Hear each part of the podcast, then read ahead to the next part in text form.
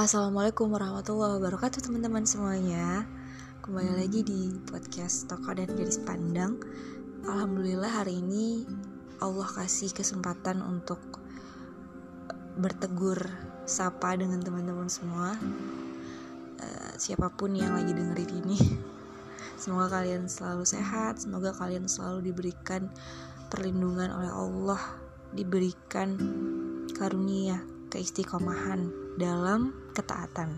Amin. Alhamdulillah kita ketemu lagi setelah sekian lama nggak sharing gitu kan.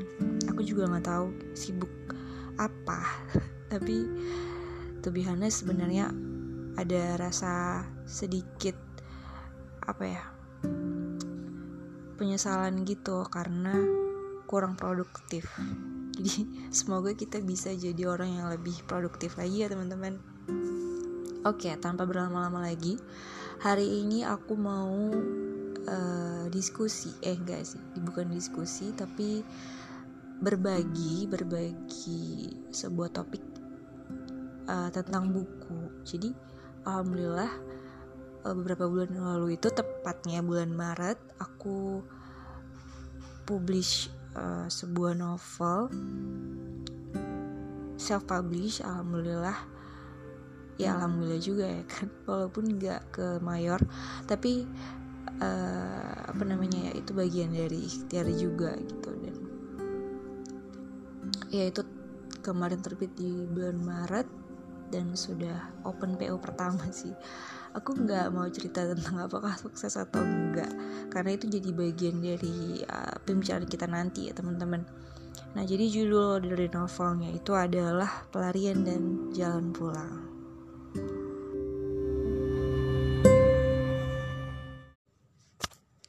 Nah, aku nggak akan cerita tentang, maksud aku, aku belum akan cerita tentang isi dari novel itu sendiri tentang uh, seperti apa ceritanya dan sebagainya gitu. Tapi uh, aku akan lebih membahas tentang latar belakang atau kisah dibalik kenapa aku menerbitkan buku atau kenapa aku nulis buku gitu oke okay, in short di beberapa tahun yang lalu saat aku masih SMP kayak lagu. Uh, jadi waktu aku masih SMP itu pertama kali aku baca novel dipinjemin sama temen. Dipinjemin novel dan novelnya itu tentang tentang apa namanya ya? Iya cerita-cerita tentang lukisan gitu lah. Tapi dari situ um, apa namanya muncul momen muncul momen di mana aku jadi suka gitu baca novel. Dan itu berlanjut ke beberapa novel berikutnya. Dan tentu saja uh, hasil bacaannya itu minjam semua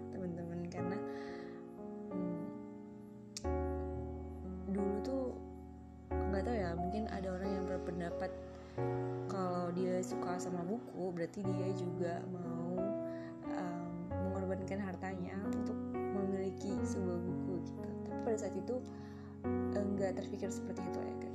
Yang penting bisa baca aja gitu. Pinjam sana pinjam sini dan nah dari situ aku baca nggak terlalu banyak sih mungkin ya. Karena aku adalah tipe orang yang kalau misalnya udah suka sama satu buku atau novel gitu aku suka sama penulisnya dan aku cuma akan baca buku dari penulis itu gitu. Contoh misal waktu itu ada buku dari Dewi Lestari atau di baca apa? Tulisan pena atau nama penanya itu di. Beliau adalah seorang penulis novel perahu kertas salah satunya. Terus ada filosofi kopi terus ada recto verso dan apa? Series yang ada enam itu supernova. Supernova nah jadi kalau udah suka sama satu penulis atau satu buku aku bakal terus ke satu penulis yang sama gitu. Mungkin uh, ada teman-teman juga tipe yang seperti itu ya. Kalau udah suka sama satu penulis dia bak cuman bakal mau baca itu aja gitu. Nah dari situ dari baca novel dan udah suka sama penulis udah apa namanya ngenotis satu penulis kemudian tahu lebih banyak tentang dunia kepenulisan. Penulis itu menuangkan semua idenya dan dan sebagainya itu tentu terbersit dong.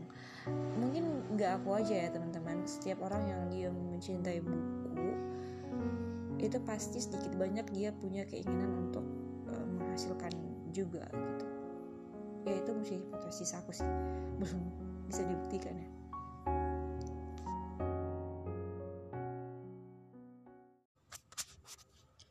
Nah, keinginan untuk nulis novel itu kan pada saat itu muncul dalam diri. Kemudian um, apa namanya? Ada effort, ada atau ada usaha untuk nulis ya waktu itu dari mulai sekolah. Sekarang lagi kuliah ya teman-teman semester akhir gitu.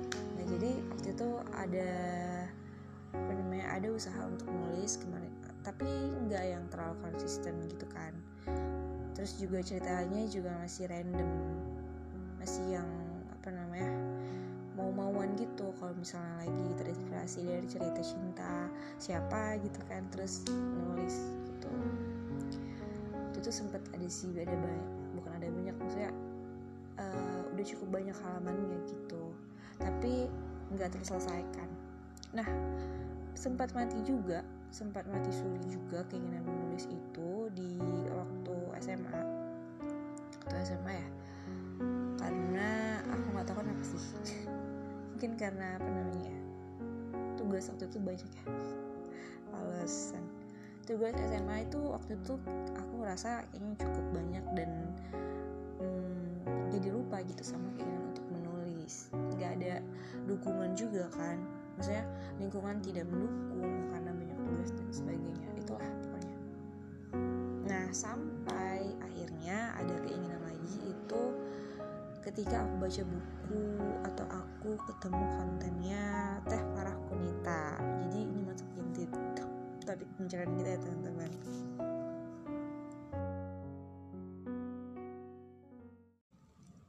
Jadi walaupun keinginan untuk nulis itu sempat hilang atau sempat enggak terrealisasi di SMA gitu. Aku masih yang sering bahas-bahas tentang apa namanya dunia kepenulisan juga sama salah satu temen yang punya passion yang sama waktu itu di SMA tapi kita tuh beda apa ya beda gender gitu. Eh beda gender.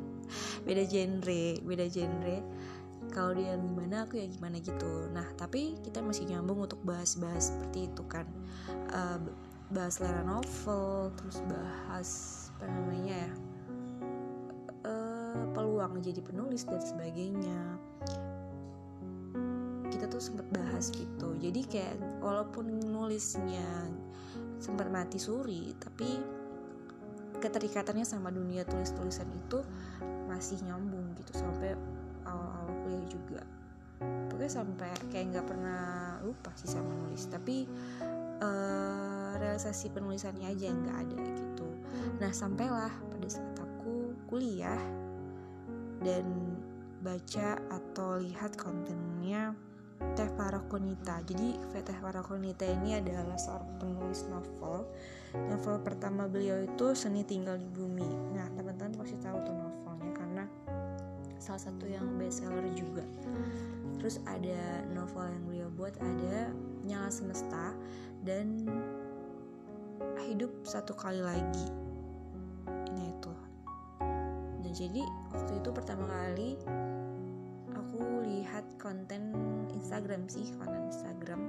Tapi isinya itu adalah uh, bagian dari buku seni tinggal di bumi gitu. Dan dari situ kepo kan dan tertarik untuk terus terus terus melihat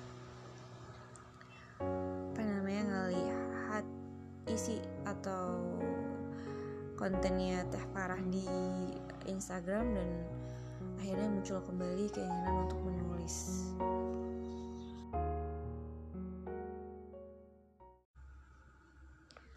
Ketika keinginan menulis atau motivasi menulis yang menggebu-gebu itu datang lagi di awal kuliah ketika aku baru lihat atau ketika aku udah kenal konten Teh Parakonita aku menyadari ada perbedaan gitu kan antara motivasi menulis aku yang dulu dan yang sekarang. Gitu. Jadi um, apa ya? Panjang sih prosesnya teman-teman.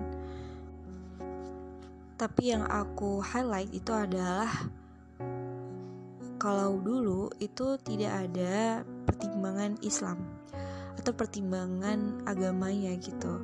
Tapi setelah kuliah ketika udah kenal sama Islam ketika udah ngaji ada pertimbangan uh, pertimbangan Islam itulah dalam setiap setiap aktivitas setiap perbuatan termasuk di dalam hal menulis itu tadi gitu. Ditambah lagi kenal sama konten Tefarah kan yang dia juga diselingi bukan hanya nulis novel beliau tapi juga podcast juga dan sering sharing tentang uh, alasan menulis gitu. Dan waktu itu aku sempat dengar podcast beliau yang judulnya menulis usaha memanjangkan usia gitu. Nah itulah ya Nah jadi teman-teman kalau dulu sebelum aku kuliah gitu kan yang notabene belum ngaji atau belum terlalu apa namanya jadi ini Islam itu sebagai way of life itu kan ada perbedaan ya teman-teman. Dulu mungkin nulisnya random atau tentang hal-hal yang mungkin lagi pengen kita tulis aja gitu. Nah ketika kita udah kenal Islam waktu itu ketika aku sudah mengenal Islam jadi berubah gitu kan uh, ceritanya atau alur cerita dari buku itu sebisa mungkin atau bukan sebisa mungkin tapi harus aku kaitkan kepada Islam. Kemudian apa? Kemudian amanah dari uh, atau mor pesan moral dari buku itu juga harus kena gitu kan kepada apa yang ada di dalam Islam. Ya itulah perbedaannya gitu mungkin kalau ditanya pada saat aku SMA kenapa mau nulis uh, dengan pertanyaan seperti itu gitu kan. Dan ketika aku ditanya kenapa mau nulis pas ketika udah kuliah atau ketika udah kenal Islam itu pasti beda gitu. Nah kalau mungkin dulu kalau ditanya pas SMA kenapa mau nulis? Jawabannya pasti karena ya suka aja. Atau karena uh, aku pengen jadi penulis terkenal atau aku pengen kayak si uh, si itu gitu. Si yang terkenal dan punya banyak buku yang buku-bukunya laris bestseller. Kemudian itu jadi atau jadi sumber pendapatan gitu. Pengen kaya dari nulis. Ya, itu pasti jawaban-jawaban seperti itu yang muncul gitu. Tapi ketika aku sudah mengenal Islam dan ditanya kenapa kamu mau menulis? Atau kenapa sih uh, sampai punya apa namanya passion atau sampai punya keinginan untuk nulis ngerbitin buku atau mungkin ditambah self publish lagi kan yang memang itu tadi lah gitu. Kenapa menulis? Karena pasti jawaban itu cuma satu gitu. Tidak lain dan tidak bukan cuman pengen Allah ridho gitu.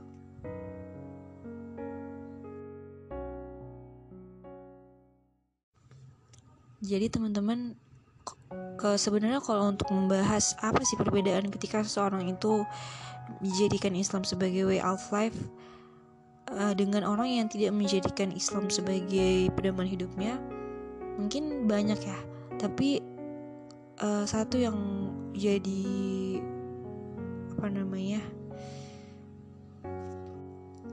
jadi hal yang aku sorot itu adalah kalau kamu udah kenal sama Islam kamu bakal menyadari bahwa kamu hari ini hidup di dunia ini, kemudian kamu berdiri di tempat kamu sekarang, itu tuh gak selamanya gitu. Pasti akan ada satu masa kamu bakal selesai, atau kamu bakal pulang, kamu akan mempertanggungjawabkan semua yang kamu punya, semua yang kamu perbuat, semua yang pernah hadir dalam kehidupan kamu itu nanti di dunia yang sebenarnya, di alam yang sebenarnya. Itu prinsip seorang muslim. Itu dan salah satu hal yang harus kamu punya ketika nanti waktu kamu selesai adalah amal amal guys. Jadi bukan bukan harta bukan pasangan bukan pencapaian bukan ditanya seberapa banyak esempar buku kamu yang laku. Gitu. atau kamu udah sampai waktu di dunia tuh kamu udah sampai S berapa gitu atau udah udah banyak seberapa banyak penelitian yang kamu lakukan bukan itu gitu. Tapi amal. Itu jadi amal itu dalam Islam adalah perbuatan gitu kan yang dia dilakukan oleh seseorang uh, karena Allah. Karena untuk mendapatkan ridho Allah itu yang dikatakan amal. Kan kita bakal mati tuh ya. Kita bakal meninggal. Jadi Allah bilang ada tiga amal yang kalau kamu udah meninggal dia itu uh, pahalanya kemuliaannya itu nggak akan pernah terputus. Bayangin teman-teman. Kan notabene tuh kalau kita meninggal nanti gitu kan semua amalan itu terputus atau terhenti gitu.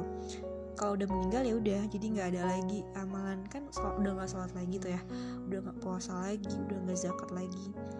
Jadi terputus terhenti gitu. Jadi atau buku amalannya tuh udah tertutup. Tapi kecuali orang-orang yang punya tiga amalan yang pertama itu anak yang soleh. Anak yang soleh anak adik yang selalu mendoakan si mayit atau si mayat ini uh, ketika dia sudah meninggal. Nah yang kedua ada uh, ilmu yang bermanfaat. Ilmu yang bermanfaat itu eh, salah satunya adalah uh, buku gitu. Buku yang di dalamnya ajakan-ajakan untuk mentaati Allah kemudian mengajak kepada kebaikan dan mengikuti jalan uh, jalan Rasulullah kayak gitu. Nah yang ketiga ada sedekah jariah, sedekah jariah dan uh, kayak mungkin bangun masjid, sesuatu yang kebermanfaatannya tidak pernah atau tidak akan berhenti gitu. Nah jadi balik ke amal jariah amal jariah itu salah satunya aku bilang ketika kita memberikan ilmu, memberikan sebuah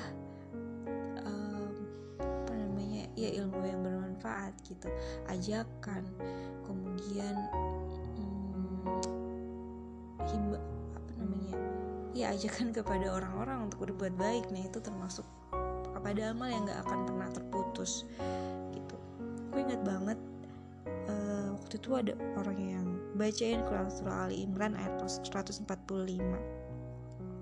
yang artinya itu kayak gini dan setiap yang bernyawa tidak akan mati kecuali dengan izin Allah sebagai ketetapan yang telah ditentukan waktunya Barang siapa menghendaki pahala dunia, niscaya kami berikan kepadanya pahala dunia itu. Dan barang siapa menghendaki pahala akhirat, kami berikan pula kepadanya pahala akhirat itu. Dan kami akan memberi balasan kepada orang-orang yang bersyukur. Jadi uh, kurang lebih tuh aku pernah baca tafsir isi dari ayat itu. Maksudnya adalah orang kita itu nggak akan pernah mati kecuali uh, dengan izin Allah gitu kan. Itu kita sudah paham gitu. Dan ada kalimat ketika seseorang mengharap, mengharapkan pahala dunia maka Allah bakal kasih pahala dunia. Pahala dunia itu dalam arti mungkin kesenangan kan atau mungkin harta ketenaran dan sebagainya itu kan pahala dunia yang hal-hal yang kita dapetin di dunia. Ketika seseorang ayat itu bilang ketika seseorang mau atau menginginkan pahala dunia Allah bakal kasih gitu. Tapi nanti ketika di akhirat dia udah gak dapat apa-apa lagi.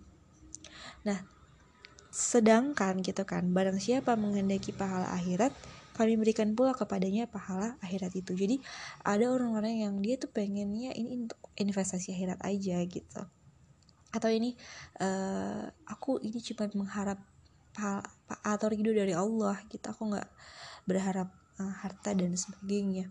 Maka Allah bakal kasih pahala akhirat itu gitu. Dan tidak ada yang bisa memperbandingkan sih antara dunia dan akhirat. Karena keuntungan yang kita dapat di akhirat nanti itu jauh lebih banyak, jauh lebih besar daripada apa yang kita punya hari ini di dunia. Termasuk termasuk masalah nulis gitu teman-teman. Jadi itu sih inti dari pembahasan kita gitu kan. Ketika kita mengalihkan pandangan kita ke akhirat jadi semuanya tuh bakal ya udah gitu kita udah nggak terpana sama hal-hal yang cuma sebatas uh, sebatas hal-hal yang kita bisa lihat aja gitu pandangan kita itu udah jauh menembus sesuatu yang tidak bisa kita jangkau nah itu kan salah satunya dari Allah ya. Kita nggak bisa lihat pahala dari Allah itu juga kita nggak bisa melihat gitu. Tapi ada orang-orang yang yakin gitu. Dalam hal nulis buku juga uh, banyak banget kan orang-orang yang dia ketika nerbitin gitu dia punya keraguan ini buku bakal laku nggak ya? Atau uh, buku ini buku bakal laris nggak ya? Gitu. Rugi nggak sih self publish dan sebagainya mungkin perlu lagi untuk uh, tanya ke diri sendiri sebenarnya aku nulis untuk apa gitu. Balik ke ayat Ali Imran tadi apakah mengharapkan pahala dunia atau mengharapkan pahala di akhirat gitu. So teman-teman ayo kita dari sekarang tanya ketika kita ngelakuin sesuatu ini kita lakuin buat apa gitu. Ketika kita udah tahu tujuan kita untuk ngelakuin sesuatu untuk melakukan sesuatu maka bakal lebih mudah dan akan lebih apa ya membuat hati kita lapang. Dan ketika kita udah tahu kita itu ngelakuin sesuatu untuk apa gitu kan contoh misalnya kita nulis. Kita nulis dan kita ikrarkan dalam diri kita kalau aku nulis ini untuk ngerayar ridho Allah gitu. Nah ketika hal-hal yang mungkin secara duniawi nggak kita dapetin kita udah nggak sedih lagi kan? Atau mungkin uh, kurang sukses nih. Eksemplarnya tuh kurang banyak yang laku gitu. Kita udah nggak sedih lagi. Karena dari awal kita udah bertekad bahwa ini apa ya ini untuk keuntungan nanti di akhirat kayak gitu. So, teman-teman, mungkin ini relate ke segala hal yang kita uh, punya dalam aktivitas kita, bukan hanya menulis tapi semuanya kayak gitu. Mungkin dalam menjalani sebuah hubungan atau untuk orang-orang yang mau menikah misalnya kan, dia tanya, "Ini aku menikah untuk apa?" Menikah untuk supaya ada yang nemenin aja gitu. Ya udah dia bakal dapet temen gitu temen aja gitu kan tapi ada orang yang menikah karena dia pengen beribadah karena dia pengen mendapatkan ridho Allah dan bakal lebih mudah kan kalau kita berjamaah atau bersama-sama. Nah, jamaah salah satunya adalah keluarga, membentuk keluarga. Di sana ada pernikahan. Maka Allah akan berikan terus rahmah di sana, sakinah di sana dan uh, mawaddah di sana. Jadi, teman-teman, yuk kita tanya ketika kita berbuat sesuatu, kita lakukan itu untuk apa sih?